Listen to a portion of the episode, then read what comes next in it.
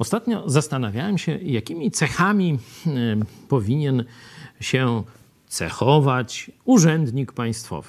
Ale to urzędnik to nie rozumiemy tego w tym biblijnym e, sensie. Urzędnik to nie jest ktoś, kto wydaje pozwolenia na postawienie budki z piwem czy karmnika dla tam gołębi czy coś takiego. Nie?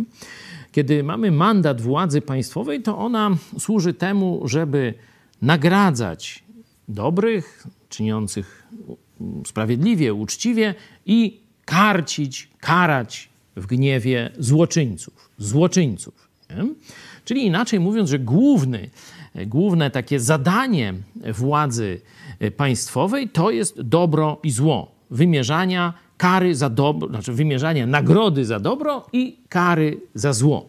Nie? Czyli co powinno być cechą urzędnika państwowego, tak rozumianego?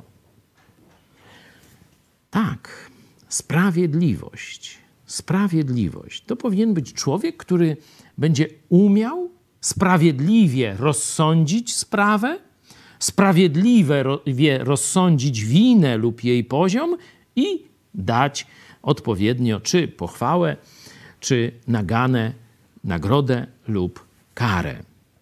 I zobaczcie, że w naszych umysłach jest tendencja albo do takiego tylko nagradzania, żeby tylko tam łagodnie, miło i żeby nikomu się tam nic złego nie pomyślało czy poczuło, albo do takiej surowości wszystkich za mordę trzymać krótko i tak dalej.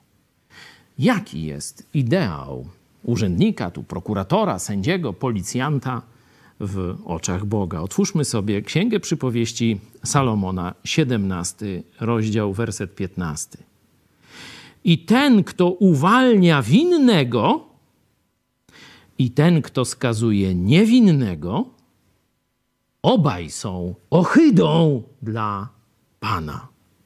Czyli zobaczcie, zarówno ten niesprawiedliwy w kierunku pobłażliwości, jak i ten niesprawiedliwy w kierunku zbytniej surowości, jeden i drugi są ohydą przed Bogiem.